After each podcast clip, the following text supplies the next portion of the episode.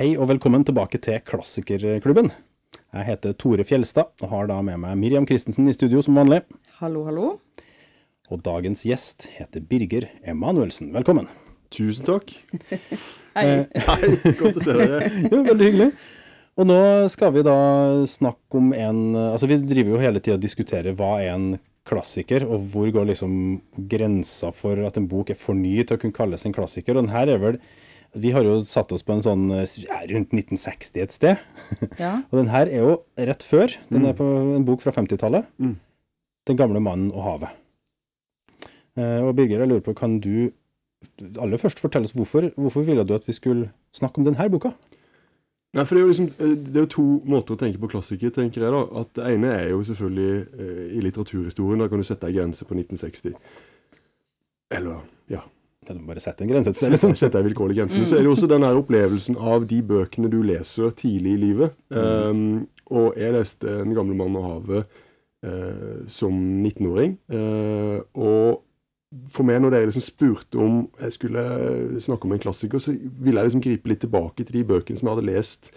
I hvert fall uh, før jeg hadde fått et veldig sånn uh, akademisk eller trent blikk på å lese. Før jeg uh, hadde begynt å skrive i anførselstegn profesjonelt. Altså, jeg ville gå tilbake til en bok som jeg ante at hadde hatt en veldig virkning på meg når jeg leste den, men som jeg ikke liksom klarte å, å fiske fram som hva var, det, hva, hva var det med den, eller hva var liksom formen her, eller språket her. Så jeg ville liksom ha en bok som jeg hadde et sånt umiddelbart følelsesmessig forhold til. da Som traff, liksom. som traff. Eh, og da, da ble jeg fort, uh, fort Hemingway, som jeg leste veldig mye uh, som tenåring da jeg gikk på videregående. Og 'De gamle mannen og havet', som jeg da leste sist av de bøkene etter jeg liksom var ferdig og hadde reist til militæret. Ja. Bra metaforbruk der, da. Fiske Ja. fram fra hukommelsen. Så da, Ja, sant? Da blir jo Ja. Ja. Jeg kom, jeg skulle ikke- Vi er allerede i gang. ja, ja, ja. Ja. Men det, ja, det er liksom en personlig måte å tenke klassikere på, da. Altså en klassiker fra sitt eget liv, på en måte. Eh, men altså den 1960-grensa, jeg vet ikke hvorfor vi har men- tatt akkurat da, men det har vel kanskje noe å gjøre med etterkrigstida, da, og eh, Modernisme og postmodernisme. Men Hvor, den, ja, hvor går den grensa, er jo Ja. også vanskelig å si. da. Mm. Når, hvis forfatteren fortsatt lever, så er det litt sånn hmm. Kan det være en klassiker? Hvis da er, det en, da er det en moderne Ja, det er moderne Ja, ikke sant? klassiker. Ja. Ja, det. er det. Men det er jo fint da at, uh, at man har lest noen av de uh, klassikerne når man var veldig veldig ung, for da kan man jo ta de opp igjen seinere i livet og få nye opplevelser. Og det er kanskje noe av det som Ja, og det er jo litt fare nå, ikke sant? Og, og det er jo ofte når folk eh, snakker om at de leser klassikere, det er en sånn stående vits i litteraturmiljøet, at man gjenleser ting, ikke sant? Å, jeg gjenleste 'Idioten' eh, her forleden, og, og fant dette perspektivet, eller har du tenkt på det? Eller jeg gjenleste eh, James Joyce, eller hva det skal være. Og det sier man jo veldig ofte. Um, og veldig mange av de bøkene jeg husker jeg leste som, som eh, tenåring, og leste veldig mye i, i militæret og bestilte mye fra antikvariat, det er jo bøker som jeg ikke har berørt siden, altså som jeg veldig sjelden går tilbake til, og som jeg, det er vanskelig å finne noen spor av det i um, jeg tenker, Om de har påvirka meg, så må det være i det ubevisste på et eller annet vis. Eller om jeg, om jeg har et sånn aktivt forhold til det, så, så gjelder det veldig veldig få bøker. Og jeg kan ikke si altså, Jeg forbinder jo litt Hemingway med eh, for Unnskyld til Miriam, men som er ung mann. Ja. Altså, sånn, det er veldig sånn typisk ung mann-litteratur, og det var jo sånn flaut også å nevne 'Gamle mann og havet' når, vi skulle, når jeg spurte om hvilken klassiker jeg skulle ha. For det er sånn klisjeen på en ung forfatter, eller en mannforfatter som har lest Hemingway og Bukowski og, og Dostojevskij ikke sant, som, som tenåring. Tøff mann som klarer seg sjøl, da. Ja, ikke sant? Og det, det er litt den der eh, floskelen om, om eh, den unge forfatteren. Men så tenkte jeg ja, får å være lojal til det, altså jeg leste den jo tross alt. Og, og jeg husker veldig godt hvor jeg var, hva som skjedde, hvordan den virka. Jeg leste den på, på dansk, eh, av alle ting, for jeg var i Danmark. Eh, og, og jeg husker bare den der utrolige gleden ved å lese en bok i én sitting, på en måte. Gjennom, eh, gjennom eh, Hold en- den tråden og den tanken ja, hele veien. holde tråden, være i boka eh, som sånn vedvarende over tid, som er jo veldig sjelden når man har tre barn hjemme og mye gjør at man opplever. Jo, Um, mange av klassikerne er altså, Du sitter, leser ikke 'Krig og fred' i én sitting. Da, da sitter du godt. Da sitter du godt. Ja. Da sitter du godt i det. Du Si. sitter på do, antakelig. Ja. vil jeg beklager om det avbrøt deg. Men uh, jeg tenker jo uh, 'Den gamle mannen og havet' er jo en uh, Altså, Hemingway er jo kjent for sine noveller. Også for noen av romanene, selvfølgelig. Men det er jo den der novelle I alle fall fra videregående, da. Veldig. Hvis vi skulle ta opp igjen den eh, Altså det man får lese når man er veldig, veldig ung, så leser man jo noveller og korte tekster for å få forskjellige eksempler på litteraturen og sånt. Og, og Hemingway er jo den der Å, Åh, det er toppen av isfjellet, og så er det de der babyskoene og alt det der. Ja. Så jeg tenker 'Den gamle mannen og havet' er jo en veldig, veldig lang novelle, på en måte. Mm. Det er jo ikke en, um, en roman sånn på den måten. Nei, Kortroman i så fall Ja, har jeg sett noen tatt. Men før vi, før vi går for langt inn i materien, eh, kunne du Birger gitt oss en liten, bare en, et synopsis? Altså hva, hva handler boka om, fra, Ja. for den som ikke kjenner Ja. boka? For det prøvde jeg også. For at, uh, når jeg, eh, sa jeg skulle uh, snakke om denne, så testa jeg det hjemme på uh, kveldsmatbordet. for Du pitcha den, liksom? pitch, eller ikke, men, for, for, Sønnen min, Edvard, spurte liksom Ja, spurte jeg, da sa jeg skal snakke om den og den boka, og, og hva handler det om? Så sa jeg ja, det handler om en, om en gammel fisker som heter Santiago, som ikke har fått en fisk på 84 dager. Og han har tidligere fiska med en, en gutt, en eh, hjelpegutt, som han er veldig glad i, men han, gutten får ikke lov av foreldrene sine å være med ut på havet lenger, så Santiago legger ut alene. Og han har gått så lenge uten å få fisk at han reiser eh, lenger ut på havet enn han noensinne har vært. Og der ute så får han en stor eh, seilfisk, en marlin, på kroken. Den største fisken han eh, noensinne har fått på kroken, og har hatt på kroken. Og den fisken trekker eh, den gamle mannen og båten med seg i dagevis. Den gamle mannen har en vannflaske, han eh, får en, eh, en tunfisk som han spiser, men ellers er han liksom på grensa til utmattelse hele tiden. Men han får til slutt da halt denne fisken inn, får bindt den til båten, og setter da i gang med å seile inn til havna for å vise seg sjøl og de andre fiskerne at han ikke er eh, han er ikke, han er ikke for gammel. Sant? Han er ikke ferdig. Han har fremdeles noe i seg. Og På vei inn da, så, så kommer det et blodspor etter denne fisken som, som haiene får ferten av. og Han klarer å, å fekte de av og, og, og slå de bort, men haiene spiser også opp hele denne fisken på veien. Så han kommer inn til, til havna eh, med et eh, skjelett av en fisk. Og det er det. Og han kommer inn, og han eh, er så utmatta at han går og legger seg eh, i det lille huset sitt ved stranda med armene utslått, eh, som Jesus, sa jeg da, eh, til sønnen min. Ja. Og så hadde jeg glemt eh, den detaljen, for så sa jeg og så dør han. Um, og det gjør han jo ikke, men det kunne ikke jeg huske, for sånn huska jeg i boka, at han, at Ja. han døde. Eh, og da begynner sønnen min å gråte. Han syns det er en helt forferdelig historie. Uh, og han blir så Ja. sånn følelsesmessig uh, Du dikta opp en sånn mer dramatisk slutt. Ja, ja, men altså, i, I mitt hode var det det som skjedde. Og da ble jeg så utrolig lykkelig når jeg da leste boka. Så leste jeg boka et par dager senere. Og fant ut at han dør jo ikke i det hele tatt. Og det, det er jo denne, dette møtet mellom gutten og mannen på slutten. Det er jo egentlig en mye mer løfterik avslutning enn jeg kunne huske. Så jeg kunne da fortelle det til eh, sønnen min, og, og han ble da veldig begeistra, veldig glad, eh, og hadde da veldig lyst til å lese den eh, boka. Ja. Men så fant jeg da en eh, fantastisk eh, animert film. En russisk regissør som har laget en animert film av Yes. 'Gammel mann og havet', som er Ja. rett og slett et lite mesterverk. Eh, Så den skal vi nå se på. Eh, nå til onsdag skal vi, eh, Edvard og meg, se på Da er det filmkveld, er det Veldig Det er fantastisk. fantastisk. Det er sånn man presenterer klassikere for de unge i dag. Det er Ja. film. Jo, jo, men hvorfor Det er ikke? ikke, det er ikke vits lenger med de der eh, papirbøkene. Ja, og det, og det, det, det, det. Men det er, noe, sant, det er noe med at den historien eh, har, den er, den er kort å fortelle. om. kunne fortalt den enda kortere enn jeg gjorde nå, uten disse detaljene. Eh, det er rett og slett en, en helt sånn grunnleggende episk fortelling om en mann som tror han er ferdig. Eh, Han begår et siste vågestykke, eh, og det vågestykket blir spist opp, men beviset, skjelettet, ligger der, så han kan eh, på en måte komme tilbake med en form for verdighet. Da. Så er det dette mottoet som alle trekker fram fra denne romanen, at en mann kan bli ødelagt, men han kan ikke bli beseira.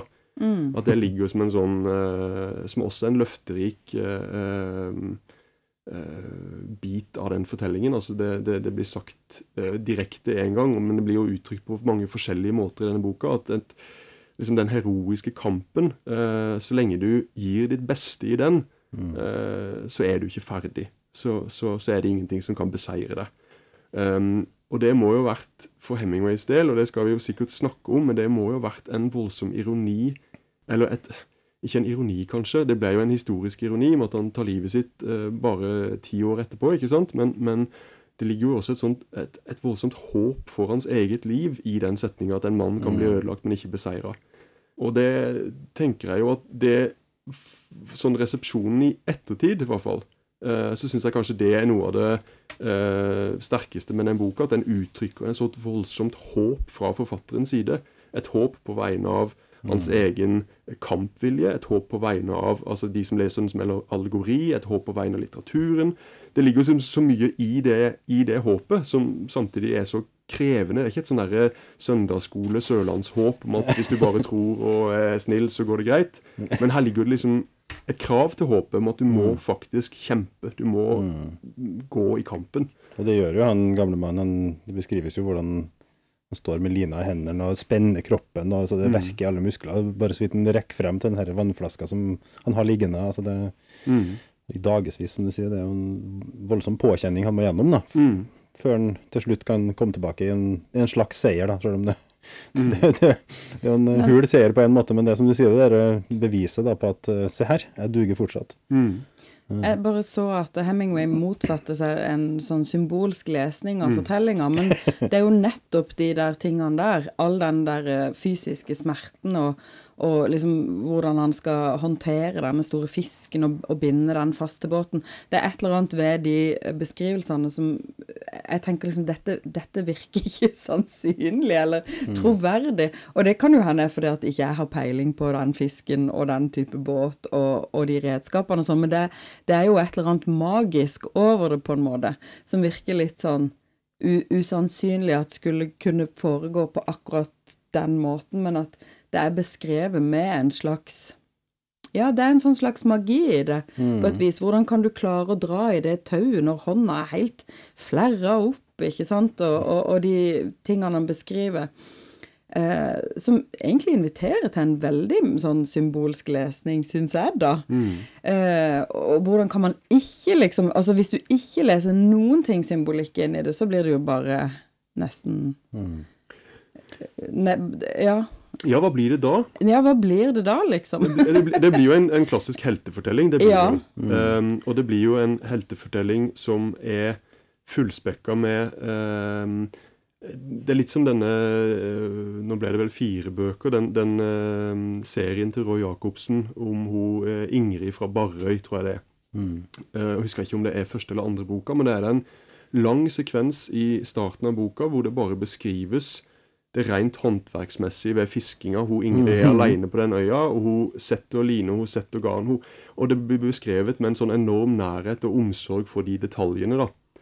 Og det eh, som Jeg vet ikke om jeg skal ikke si som som en, eh, som en eh, leser som er interessert i fisking, for jeg er ikke spesielt interessert i fisking, men jeg får en enorm uh, kjærlighet for den type fortellinger, som fortelles med en eller annen eh, autoritet. Og ikke, ikke, en autoritet på den måten at det er en, liksom, en eh, forfatter som har vært turist i et eller annet fagområde og lært seg masse begreper, og så begynner liksom å strø de om seg for å vise at dette har jeg kontroll på, for det skjer veldig ofte.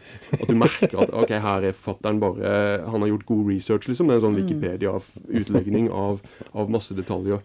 Men det, det, det, det, tenker jeg også med denne um, heroiske kampen som ligger her, og som og som Miriam opplever som, som på en måte ut, eller usannsynlig at det skjedde på akkurat den måten, det, det, det, det går jeg på langt vei jeg er på langt vei enig i det. Men så er det også noe med den derre Når det er mannen som forteller det, med denne mm. kunnskapen, med denne erfaringa mm. Han har vært i denne situasjonen så mange ganger før. Han gjentar så mange ganger at ja, han er gammel, men han har så mange knep.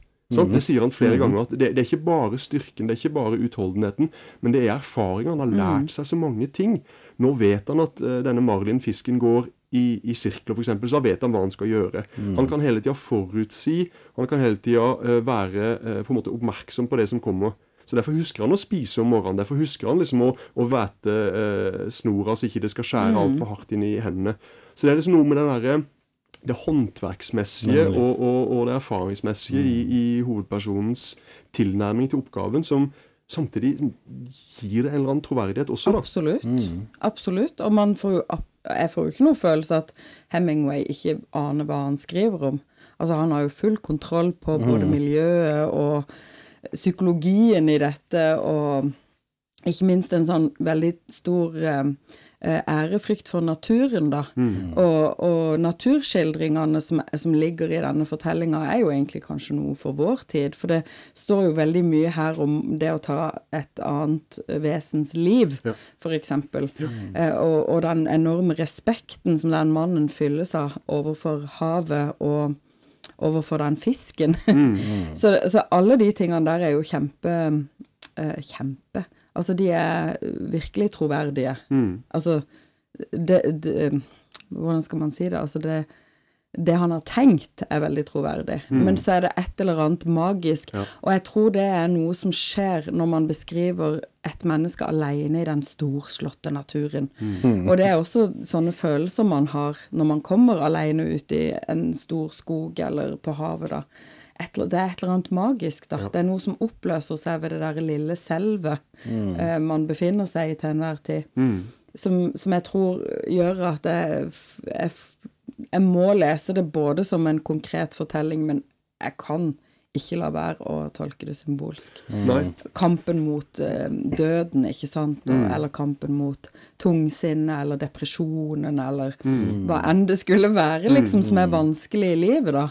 Men jeg tror den eh, allegoriske lesninga som Hemingway motsatte seg, eh, og som han liksom litt sånn på hans Allegorisk heter det, ja. Ja, eller, eller symbolske. Ja. Men også den, den, den, han- den han motsetter seg, er den han på veldig sånn kjekkas-maner sier liksom «Ah, it's The fish is the fish, og the sea is the sea, og the man is the man, og the old man is the old man. Og, så man har en veldig sånn uh, to hell with that, som er liksom hans stil. Men det er jo fordi at det blir jo lest som en allegori over hans forfatterskap. ikke sant? Ikke sant? Han har ikke gitt ut en god roman siden 1940, han, eller i kritikernes øyne. Han, han gir ut uh, 'Cross the River and Into the Woods', eller hva den heter for noe eh, litt før dette her, som, som blir slakta uh, rundabout. Som ingen liker. eh, som Hemingway sjøl sier han setter høyt, men som på en måte ikke blir uh, betrakta som, som et romanverk av hans klasse. da. Så han blir jo egentlig eh, kalt for en eh, ferdig forfatter. Altså Han har tømt ut den sekken med ideer og erfaringer han hadde fra krigen og det han har skrevet om i disse tidligere romanene. Eh, så han er ferdig. Og han blir jo da eh, lest på den måten at han reiser ut. Han reiser ut lenger enn han har vært før. Han henter fram denne fortellingen fra dypet. Kritikerne er haiene som spiser det opp på Ja. veien inn. Men, sant? men sant? for at han forventer også at det skjer med denne historien. At de kommer bare til å plukke det fra hverandre. Men haiene haiene, de må gjøre som de gjør. Hemingway vet hva han holder på med. Den gamle mannen vet hva han holder på med. Han, han, han vet hvor eh, vanskelig det er å hente opp denne fisken. Han kjenner kampen, og han trekker med seg dette skjelettet som bevis inn. Selv om da ikke sant, hele romanen, eller den korte romanen avsluttes med at det kommer to turister og ser dette skjelettet nede på, på stranda, eller ved kaia. Og så spør de da en restauranteier, en pubeier, liksom, hva er dette her? Og så prøver restauranteieren å forklare at haiene har spist den opp. Og så sier da dama mot slutten at og jeg visste ikke haiene hadde så eh, majestetisk hale eller et eller annet. Så hun forstår heller ikke hva som har skjedd. Men de som vet, de vet. Sant? Gutten vet. De andre fiskerne vet. Den gamle De som teller, vet liksom. de som teller vet. Og det, det er jo en sånn derre Jeg skjønner jo veldig godt at han motsetter en, en sånn allegorisk lesning, for den er jo veldig Den gjør jo verket veldig lite. Ja, sånn, og den er gjør- veldig nærliggende òg, egentlig. ja, sant? den er veldig nærliggende, og det er ikke så rart at mange plukker den opp, men, men den gjør jo også øh, øh, Hemingway til en litt sånn bitter forfatter. Sant? Nå skal jeg faen meg vise de. Hvorfor skal han vise de? Hvorfor skal han vise kritikerne? Hvorfor skal han vise det allmenne publikum? Skal han ikke først og fremst som den gamle mannen vise seg sjøl? Så han ønsker å være den gamle mannen, og for den gamle mannen så er jo havet bare hav, og fisken bare en fisk. Um, jeg leste eh, et intervju som ble gjort i 1960, året før Hemingway tok livet av seg, av en, forfatter, en, en journalist som reiste til Cuba for å intervjue han her eh, aldrende forfatteren og gjøre et sånt portrettintervju. Og Som ble litt sånn småsjokkert av den her ganske forfylla em, karen han eh, møtte. Det her intervjuet ble trykt i Vi menn en gang, med tittelen 'Den gamle mannen og haglen'.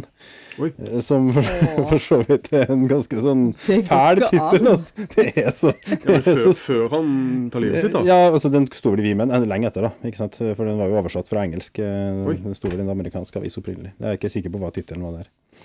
Men uh, der snakker han jo om at uh, altså Hemingway sjøl, da, om at um, han hadde hørt denne historien fra en fisker på en restaurant. Mm. At uh, altså den historien om en mann som reiste ut på havet og kom tilbake med et skjelett fordi at, eh, den hadde blitt spist opp på veien. Men den var svær, den fisken. ikke sant? Mm. Så det er jo en eller annen sånn historie som han har på en måte båret med seg. At, altså det, det, er en, det er en veldig konkret historie også. Mm. Det er litt interessant. da. Vandrehistorie. Ja, ja det, det, og det kan godt hende, ikke sant? Det høres jo. Men den fisken var svær! Det var den største du noen ja. gang har sett. Men den ble Ja. spist opp, da. Men den var svær! Mm. Det er jo typisk. Men den var jo fisker. Eh, Så det var jo en historie som appellerte den på flere plan også, vil jeg tro. Ehm, Jeg gjorde en gang en høytlesning av i alle fall begynnelsen av eh, Den gamle mannen i havet på en sånn strikk og lytt-tilstelning, og da skrev jeg en sånn kortfatta biografi om Hemingway. Jeg skal ikke lese opp hele, men eh, jeg kan jo ta med highlights, da. Hemingway hadde det biografer gjerne kaller et begivenhetsrikt liv. I løpet av de 60 årene han levde, prøvde han tyrefekting i Spania, jakta storvilt i Afrika, dro på dyphavsfiske i Florida.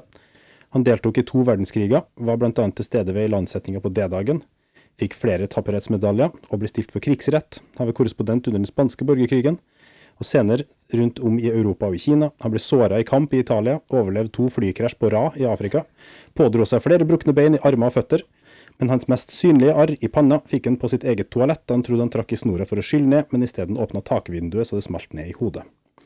En av de få skadene han sjelden snakka om. Ja. Han overlevde miltbrann, malaria, dysentri, hudkreft, hepatitt, anemi, diabetes, høyt blodtrykk, sprukket milt, nyre, leversvikt pga. alkohol, brudd i ryggraden og i kraniet, bare for å ta livet sitt i 1961, sånn Ja. som faren gjorde. Og gift fire ganger. Og gift fire ganger. kompis med God dag. Hjertenstein og Picasso. Ikke sant? Og, ja. Det Og- og Liksom, selv med den her, Vanvittig liv, selv med den oppramsinga, så er det liksom sånn Jo, jo, men du har glemt å ta med at Ikke sant? Det, det, det er liksom bare et enormt Mm. vell av ting som en har vært med på opplevd og sett. Mm. Eh, men som du sier, altså, en forfatter som ga ut fullt av novellesamlinger før krigen, en rekke med romaner, og så ble det liksom stopp. Mm. 1940 så det var den siste too much life. ro gode romanen. Ja, ja, ikke sant? Det, det, altså, så, altså, det er jo en, det er en veldig sånn oppløftende tanke, da. At selv etter at du har opplevd alt, du har skrevet om alt, og på en måte gjort deg ferdig med det som egentlig er livsverket på mange måter, så får du en sånn lang periode hvor det ikke skjer noen ting, og så kommer den boka som gjør at han faktisk til slutt blir tildelt Nobelprisen i litteratur. Mm. Buhu. Karen Bliksen fikk han ikke, fordi Hemingway fikk han. Der, Jo, jo, det er klart. Så kan man jo si hva man vil om politikken sånn- rundt dem. Det, Ja, ja. Mm. Nei, Men men, det- altså, men det det er liksom en av mine hangups på Hemingway, det er at Karen Bliksen ikke fikk Nobelprisen. Han ødela fordi han hadde gitt ut Den gamle mannen og havet. Men uh, Så frekt. det må jeg jo la ligge. Men det er jo også et eksempel på et ekstremt begivenhetsmetta liv, da. Mm. Ja, ja, ikke sant. ikke sant? Med, og Hemingway var vel egentlig kompis med eksmannen sin, og de jakta løver sammen i Afrika. Og sånne ting. På toppen av det hele. Men det, det er jo kanskje noe med den tida også, da.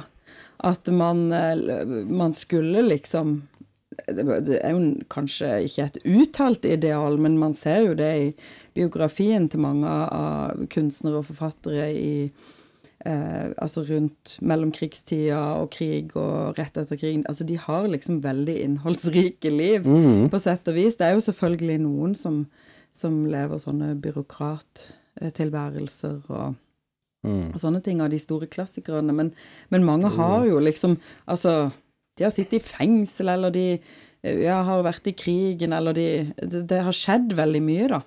Som gjør at man har erfaringer med mennesker og verdenshendelser og historiens gang har man sett liksom passere. Det er mye å fortelle, liksom. ja. Men da er det jo ekstra Det- bemerkelsesverdig at liksom, for en mann med denne biografien, ehm, og som helt åpenbart også blir kjent for veldig mange av de romanene han skriver med krigserfaringene, men, men dette er jo en historie som en sørlending kunne skrevet på 1920-tallet, ikke sant? Ja, ja, som, som eh, Gabriel Scott nesten skriver. Altså, Det er jo helt, en helt annen roman, men du kan jo nesten tenke at han har lest Kilden. Altså med denne tanken om skaperverket og, og fiskeren som en del av skaperverket, dette brorskapet mellom han og fiskene. og han tenker på fuglene som sine 'dere er mine venner'.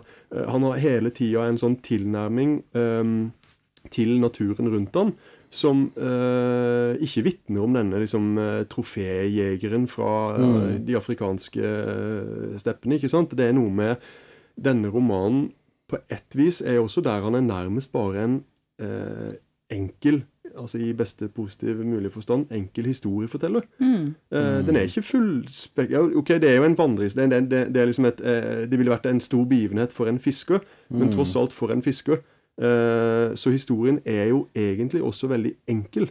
Um, og at det er det som blir stående uh, som i hvert fall i, i, i liksom den umiddelbare resepsjonen, så var jo dette den boka som gjorde Hemingway til verdenssensasjon. Som gjorde, det er jo den boka som har solgt absolutt best.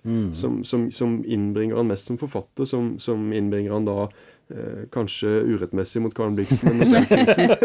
Så, Det så ble jo filmatisert bare et par år etterpå også, ikke sant? Så Ja. ble jo, det, var, det er også tegnet på at det har blitt en storsuksess når det umiddelbart etterpå kommer det en film. Eller ganske kort tid etterpå, da. Så, så, så det er jo også noe med eh, at her er han også mest sånn reinspikka forfatter, eh, tenker jeg. Eller reinspikka historieforteller. At han skriver seg inn i en sånn veldig gammel samtale eh, som de beste bøkene er en del av. Eh, som gjør det at når jeg forteller den til sønnen min på ni år, så kan han forholde seg til det bare rent umiddelbart. For at han forstår eh, hva som ligger i denne kampen. Han forstår hvor Nå la jeg riktignok til et dødsfall på slutten, som eh, Ja. selvfølgelig hever, hever, hever dramatikken litt. Men, men, men det er nett, nettopp dette her med ikke sant, den der, eh, eh, eh, opplevde forskjellen på å bli ødelagt og bli beseira, som jeg tror eh, hvem som helst kan, kan kjenne på. da.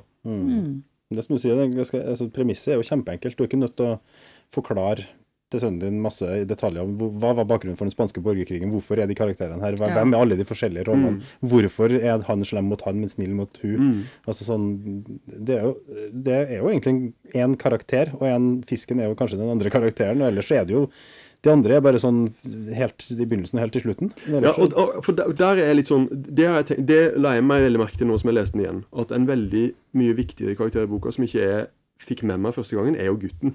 Altså Gutten er kjempeviktig. Gutten er der i begynnelsen. Gutten er der når en gammel mann er alene ute på havet. Og nå skulle ønske gutten var her. Ja, sånn, ja, ja? Og på slutten så er gutten den som tar han imot, og, og som eh, gir han denne? Gir han avisen, gir han noe mat. Gutten kan også få lov til nå å reise ut med den gamle mannen. ikke sant? Så Nå har han tatt den fisken? for nå har han tatt den fisken, så nå kan han si til foreldrene sine vet du hva, den gamle mannen er ikke spedalsk, han har ikke dårlig lykke. Jeg kan, jeg kan, jeg kan være sammen med han sånn som han vil. Um, og gutten eh, har jo vært med jeg tror han er fem år eller noe sånt, første gang han er med ut denne gamle mannen på havet. Og da holder han på å, å dø før de tar opp igjen altfor stor fisk i, i båten, som slår med halen sin. og, og eh? Det, det er masse fare forbundet med det. Men gutten sier at vet du, jeg husker det så godt. Jeg husker liksom det der varme blodet. Jeg husker, jeg husker lukta. Jeg husker den fisken. At det er så betydningsfullt også for gutten. At han har jo en sånn For Vi får jo vite at denne gamle mannen har vært gift, men han tar ned bildet av kona si for at han syns det er så ensomt å se det bildet av henne. Han har åpenbart ikke noe barn Eller det blir i hvert fall ikke påpekt at han har noe barn, arvinger sjøl. Men han har denne gutten eh, gjennom hele romanen.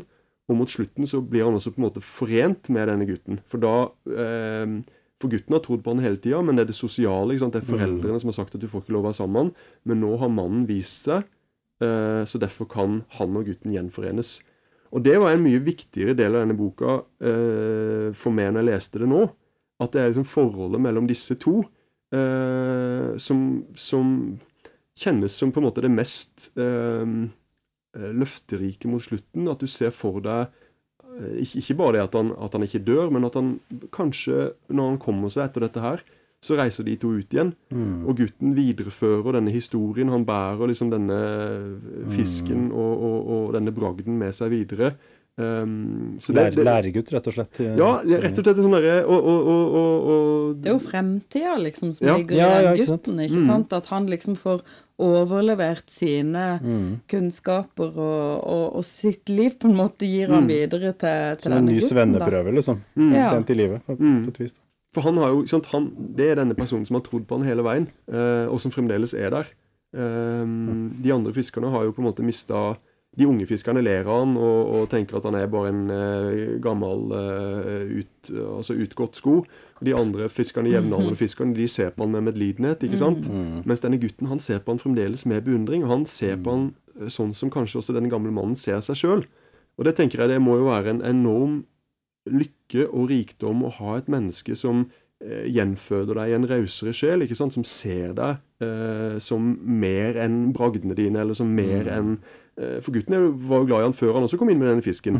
Nå kan den kjærligheten være allmenn, da. ikke sant? Nå er den sosialt akseptert. Um, jeg skal ikke lese for mye i dette, her, men, men jeg syns i hvert fall det der forholdet mellom de to, som jeg ikke må ærlig innrømme, ikke jeg liksom tenkte på som 19-åring når jeg leste den. Da øh, var nok det der kampen veldig mye viktigere. Men nå så syns jeg at dette forholdet det trer fram som en mye viktigere del av boka. da. For da var du en ung mann som skulle ut i verden og gjøre stordåder på egen hånd, men nå er du en far som skal overføre kunnskap til den lille gutten. Det leser jeg mye inn i den nå, Ja, eller? ja. Nei, men det, det, det, det tror jeg er en adekvat lesing. også. Jeg tror det nok er mye viktigere. Ja. Mm. Men så er det jo også um, uh, Gutten representerer jo den Altså kommunikasjonen. Han, han kommenterer jo seg sjøl underveis, den gamle mannen. Så vi får jo både fortellerens perspektiv, men også jeg-perspektivet til mannen, da. Og hvordan han snakker med den lille gutten som jo ikke er til stede. Nei, nå har jeg visst begynt å snakke høyt med meg sjøl, da. Men det er jo eh, det, det er jo alle de her tingene som gjør dette til en sånn veldig allmennmenneskelig eh, fortelling. For det der med ensomheten og eh, hvordan liksom det å si noe høyt stadfester deg som et vesen i verden, ikke sant? Og gjør at du blir faktisk en del av det du ser rundt deg. Du er ikke en drøm. men men det, er, det er faktisk det jeg liker best uh, med, med å lese denne her korte romanen. Det er jo ikke liksom beskrivelsen av fangstredskapene og hvordan han dolker denne haien mellom øynene. Og, altså Det er veldig tøft, ikke sant? Ja, ja. Men det er jo det når han begynner å snakke høyt for seg sjøl ute på havet, eller, eller snakker om at de som elsker havet, det, gir havet hokjønn, mens de som kjemper mot havet, gir havet hannkjønn.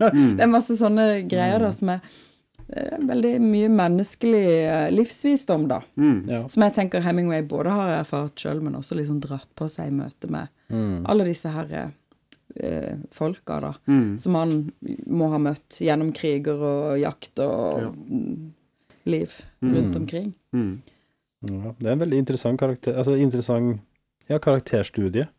Derre- ja, det, det ligger jo i tittelen. 'Den her gamle mannen mot, mot, mot havet'. altså det der, Jeg ser for meg det der blanke speilet av uh, hav og den, den stille kampen under overflata. Uh, og men når du, når du snakker om den, den enslige mannen ut på havet, så er det litt vanskelig å ikke trekke inn en annen klassiker fra litteraturhistorien som kom 100 år tidligere, som heter Moby Dick. Jeg visste vi måtte si Jeg Moby beklager. Dick. Åh, Eh, men, men For der er det jo også en, en fisker Ja. altså, ja, Nå skal jeg ikke kalle en hval en fisk, da, men han er jo en fisker. eh, som er på jakt etter det her byttet som alltid er unnvikende, som aldri får tak i, som, er- som er den derre eh, drømmen, da, ikke sant. Eh, men her får han jo faktisk tak i fisken og beskriver kampen der. Altså det, det var en av de første tankene som slo meg da jeg leste den. Og det kan hende det var fordi at jeg hadde lest Moby Dick ikke så lenge før. At ok, er det her en kommentar? Er det liksom ok, nå har kaptein Ahab fått tak i den hvite hvalen, men hva, hva gjør han med den? Liksom, hva, er det, hva er det som skjer i hodet hans da? Eh, det er ikke sikkert det er noe i det, men det er en sånn assosiasjon som i alle fall veldig lett melder seg. da. Mm. Det er jo altså, Moby Dick heter jo Moby Dick. Ehm, denne kortromanen heter jo ikke 'Den gamle mannen og fisken'. Den heter 'Den gamle mannen og havet'. Hav, ja, ja, Så altså så det er noe med at den, Og den fisken også, eh, som selvfølgelig er eh, beviset eh, for at denne mannen ikke er eh, alt Altså, han er ikke ferdig. Han, han har fremdeles eh, noe i seg. Um, men det er jo eh, noe med at han får henta opp denne fisken. Han beseirer den på et eller annet vis. Han får den med seg inn. Um, men han har jo ikke den derre forkunnskapen. Han, han, han har ikke reist ut for å finne akkurat den fisken. Nei, han bygger ikke dette liksom emosjonelle forholdet til eh, fisken på samme måte. Det blir ikke en besettelse Det er, ikke en, det, det, det er ikke en besettelse, og det er jo som Miriam også var inne på, han, han uttrykker seg med eh, kjempestor respekt for denne fisken. Og ikke fordi at fisken er en motstander, men fordi at de ehm, At, at, at øh, Han er en del av den verden, samme verden Ja, som mannen. det- ja. De, de er i samme Med jevnbyrdig på et eller annet vis. De er i symbiose, på en måte. mm. Organiske vesener i, Mm. I havet, begge to. Mm. Men et, også dette bildet med det var en, et, en sånn bokpod som han gjorde, han eh, godeste Lars Olve Seljestad, for noen år siden. Og han hadde en veldig tydelig eh, beskrivelse av sånn, skrivegjerningen er jo blitt beskrevet på så mange måter eh, opp igjennom. Eh, og alle liksom kjemper om å finne sin metafor, men uh, Lars Ove Seljestad hadde en veldig fin metafor om at liksom, denne følelsen at du sitter liksom ute alene på havet. Du sitter der og, og, og, og fisker og vet ikke helt hvor du skal fiske, og du søker det stedet og det stedet. Um, og så kjenner du det virkelig når det er noe som liksom er i andre enden. Og den der eh, kampen om å hale det opp og, og, og bruke alle triks og knep og, og, og styrke og utholdenhet for å, for å få has på det. Så kanskje det ligger jo en sånn der grunnleggende Ja. metafor her, som, som vi nok sikkert har fra Moby Dick, eller som også Moby Dick er en del av. Ja, denne, liksom, det, faktisk. Ja. fortellingen om dette vi kan som vi vet ligger der, som vi kan få tak i, som vi, som vi, mm. som vi kan eh, nedkjempe og, og, og hale inn. Så, så jeg tror det, det er jo absolutt eh, en, et relevant forelegg. uh, men jeg opplever det ikke som en sånn Jeg opplever det ikke som en Moby Dick-historie. Nei, det er ikke Eh, eksplisitt kobling. ikke. Det syns jeg ikke sjøl. Han visste med seg selv at en mann aldri er alene på havet, står det et sted. Oi. Og det er jo noe med det der, ikke sant, at det havet ligger der helt sånn blankt og, og, og skjuler veldig mye liv nedi der, men, men så drar man ut, og så vet man at her kan jeg liksom få lykken, da. Eller fa fange noe. Beseire noe, fange noe, fange lykken, fange For det ligger jo en formue i kjøttet til denne fisken. Sånn at hvis han får solgt det kjøttet, så blir jo han en rik mann. Han, han lever jo veldig, veldig enkelt. Han bor i en hytte laga av noen sånne palmeblader på stranda, ikke sant, og har ikke noe mer enn akkurat det han trenger til å overleve den dagen.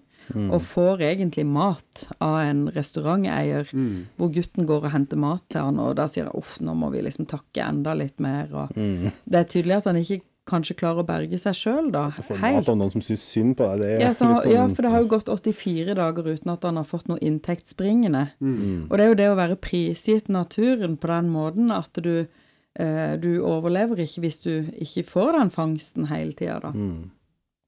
Så det, det er jo også en sånn Det er så mange elementer, da, i, eh, i det havet. Ganske mye dybde i det havet. Det er ganske mye dybde i det havet. Men det er også et, det er en del sånn sitater fra denne korte romanen da, som er veldig fine.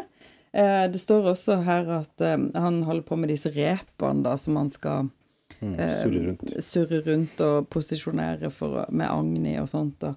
Eh, men jeg holder dem nøyaktig på plass, tenkte han. Det er bare det at jeg ikke har hellet med meg lenger. Men hvem vet, kanskje i dag. Hver dag er en ny dag. Det er bedre å ha hellet med seg enn ikke å ha det. Men jeg foretrekker å være nøyaktig, for når lykken da er der, så er man forberedt. Og det tenkte jeg, det er jo på en måte en sånn bittersøt mm. erfaring, det der at eh, Gud, jeg hadde lykken, men jeg var ikke forberedt. Jeg var ikke klar, så den gikk meg hus forbi.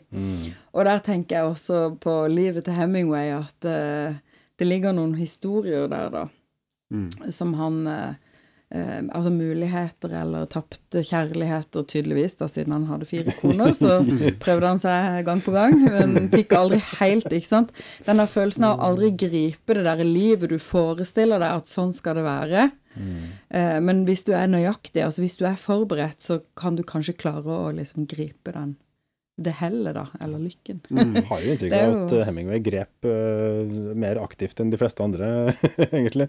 Han prøvde, seg Prøvde på, mye? Ja, prøvde seg på mye rart. Men det, det har jo på en måte Altså, det at han tar sitt eget liv, må jo bety at han hadde den eh, Jeg tror det var Churchill som kalte depresjonen sin for den svarte hunden.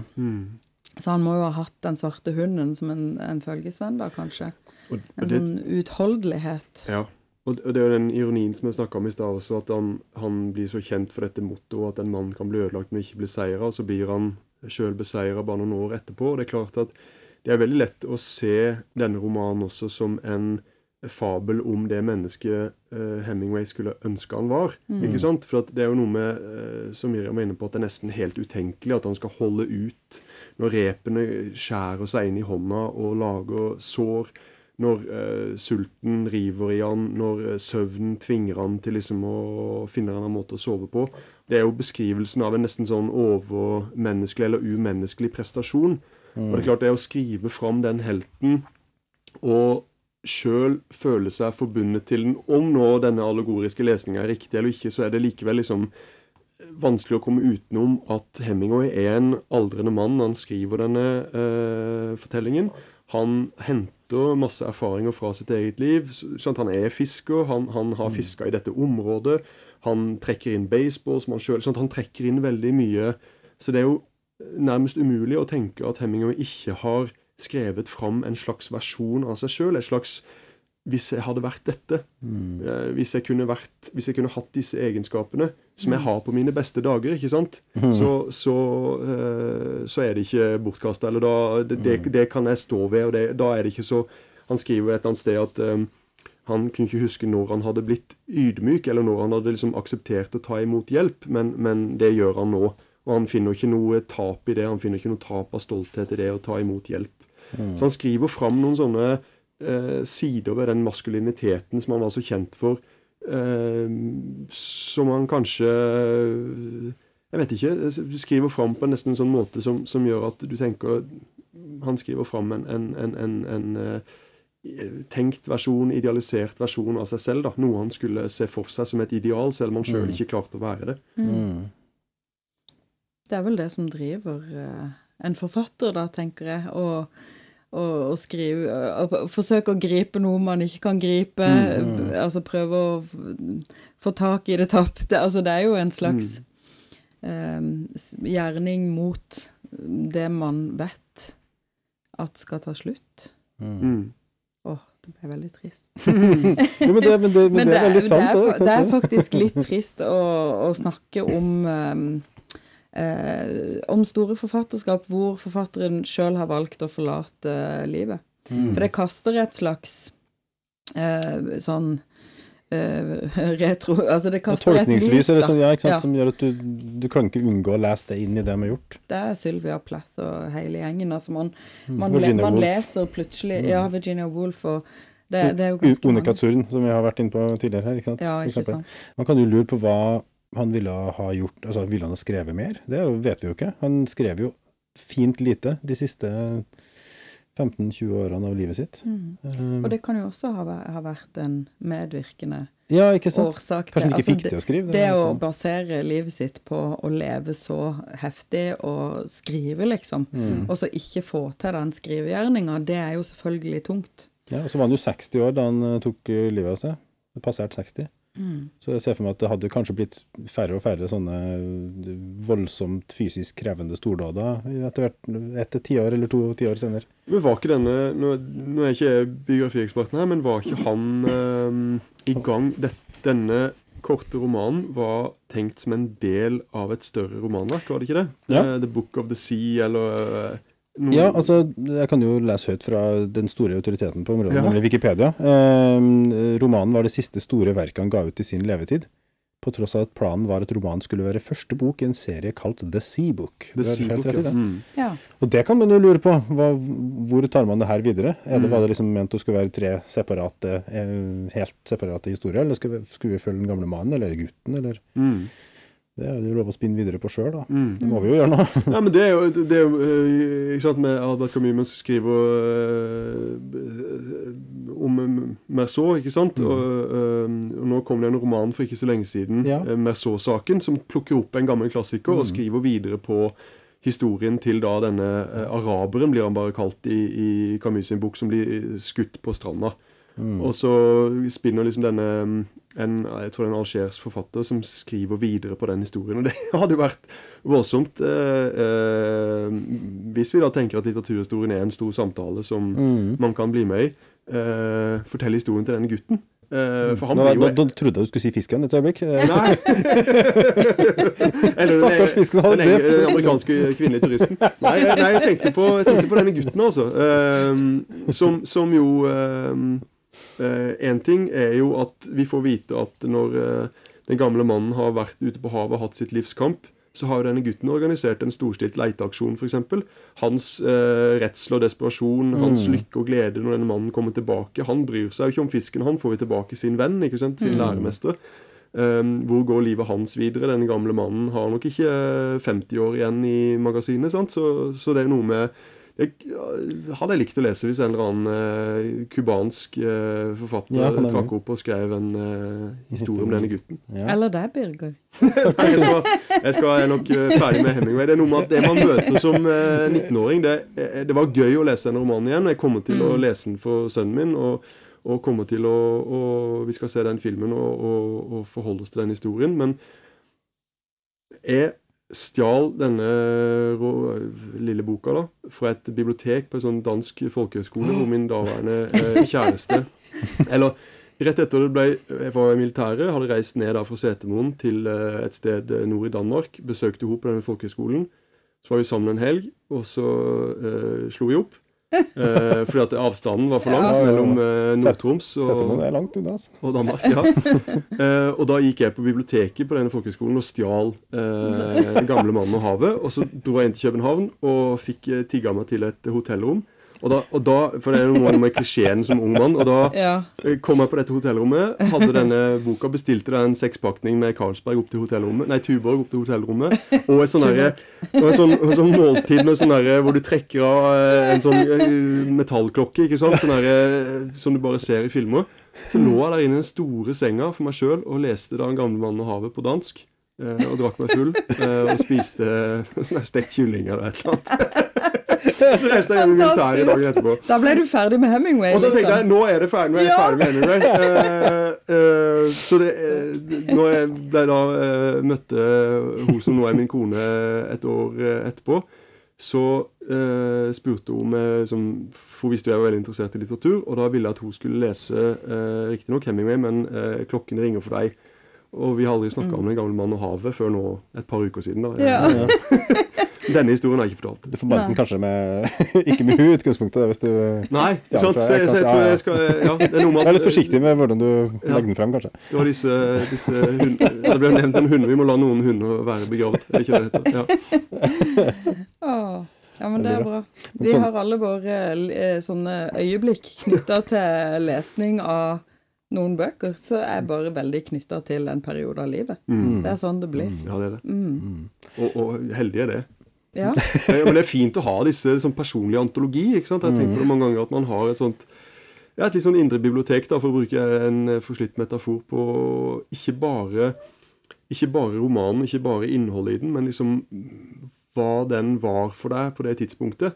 Ehm, og, og, og det var jo sikkert derfor jeg greip så begjærlig og raskt til denne boka når dere spurte. da. At ehm, jeg huska bare at jeg hadde, den hadde vært veldig viktig. Men når jeg tenker meg om nå Jeg leste den på dansk. Jeg kan ikke for, altså Det er masse ord, det er jo så mye begreper og ord. Det er sikkert masse jeg ikke har forstått. Du har forstått den bedre nå, da, når du har lest den i sett, uh, nyere tid? Ja, men så er det jo litt det deilige som Miriam er inne på, syns jeg, at det er ikke så altfor mye å forstå. Mm. Det er en kamp eh, mellom en mann eh, og, og denne fisken. Eh, det blir en kamp mellom mannen og disse haiene. Og så er det dette vennskapet, eller dette læregutt-læremester-forholdet. Dette eh, tross alt håpet om en sånn påkobling for denne ensomme mannen. At han kobler seg på et annet menneske, han kobler seg på framtida, han, han kobler seg på liksom den verdigheten som egentlig er det han er ute og leter etter på den 85. dagen. ikke sant? Um, for han kan ikke Hadde han kommet hjem fra den turen også og Mm. ikke vist seg, så ville det vært hans historie. Han var en mann som mista hellet, mista lykken, og blei en, en fattig fisker som uh, døde i ensomhet. Eh, men han begår altså denne siste, i hvert fall i romanens logikk, da, siste bragden, um, som riktignok blir uh, stjålet fra han av haiene og av naturen, som han har vært ute og, og, og kjempa mot og forsynt seg av. Eh, men han kommer hjem med dette beviset på at liksom det var mer til han enn det alle andre trodde. Eller alle andre bortsett fra gutten trodde. Mm. Men er det ikke det som gjør en klassiker til en klassiker, da? At man faktisk både kan ta de fram igjen 20 år seinere og lese de og tenke 'å', og så oppdage noe nytt. Men også den derre enkelheten. Altså alle tenker det er så vanskelig å lese det som folk kaller for klassikere, men det er jo ofte derfor de har blitt klassikere, fordi de nettopp kan leses De kan brukes Mange, i alle sammenhenger. av alle. Ja. Ja. Jeg lurer på om vi må sette strek der, Mm. og si at det forstås som siste ord. Jeg bare få lov til å si tusen takk, Birger, for at du ville komme i studio til oss. Du, tusen takk for dette Takk, takk. invitasjonen. Utrolig Fikk jo veldig lyst til å egentlig gyve løs på noen flere sånne av de bøkene som jeg leste i den alderen. Mm. Mm. Det er sikkert ikke alle som, eh, som eh, holder vann, men eh, hvorfor var tilbake i sjømetaforene? ja. Men noen gjør sikkert det. Noen har eh, nok dybde til at det går bra. Ja, jeg skjønner. Ja. ja, takk for nå.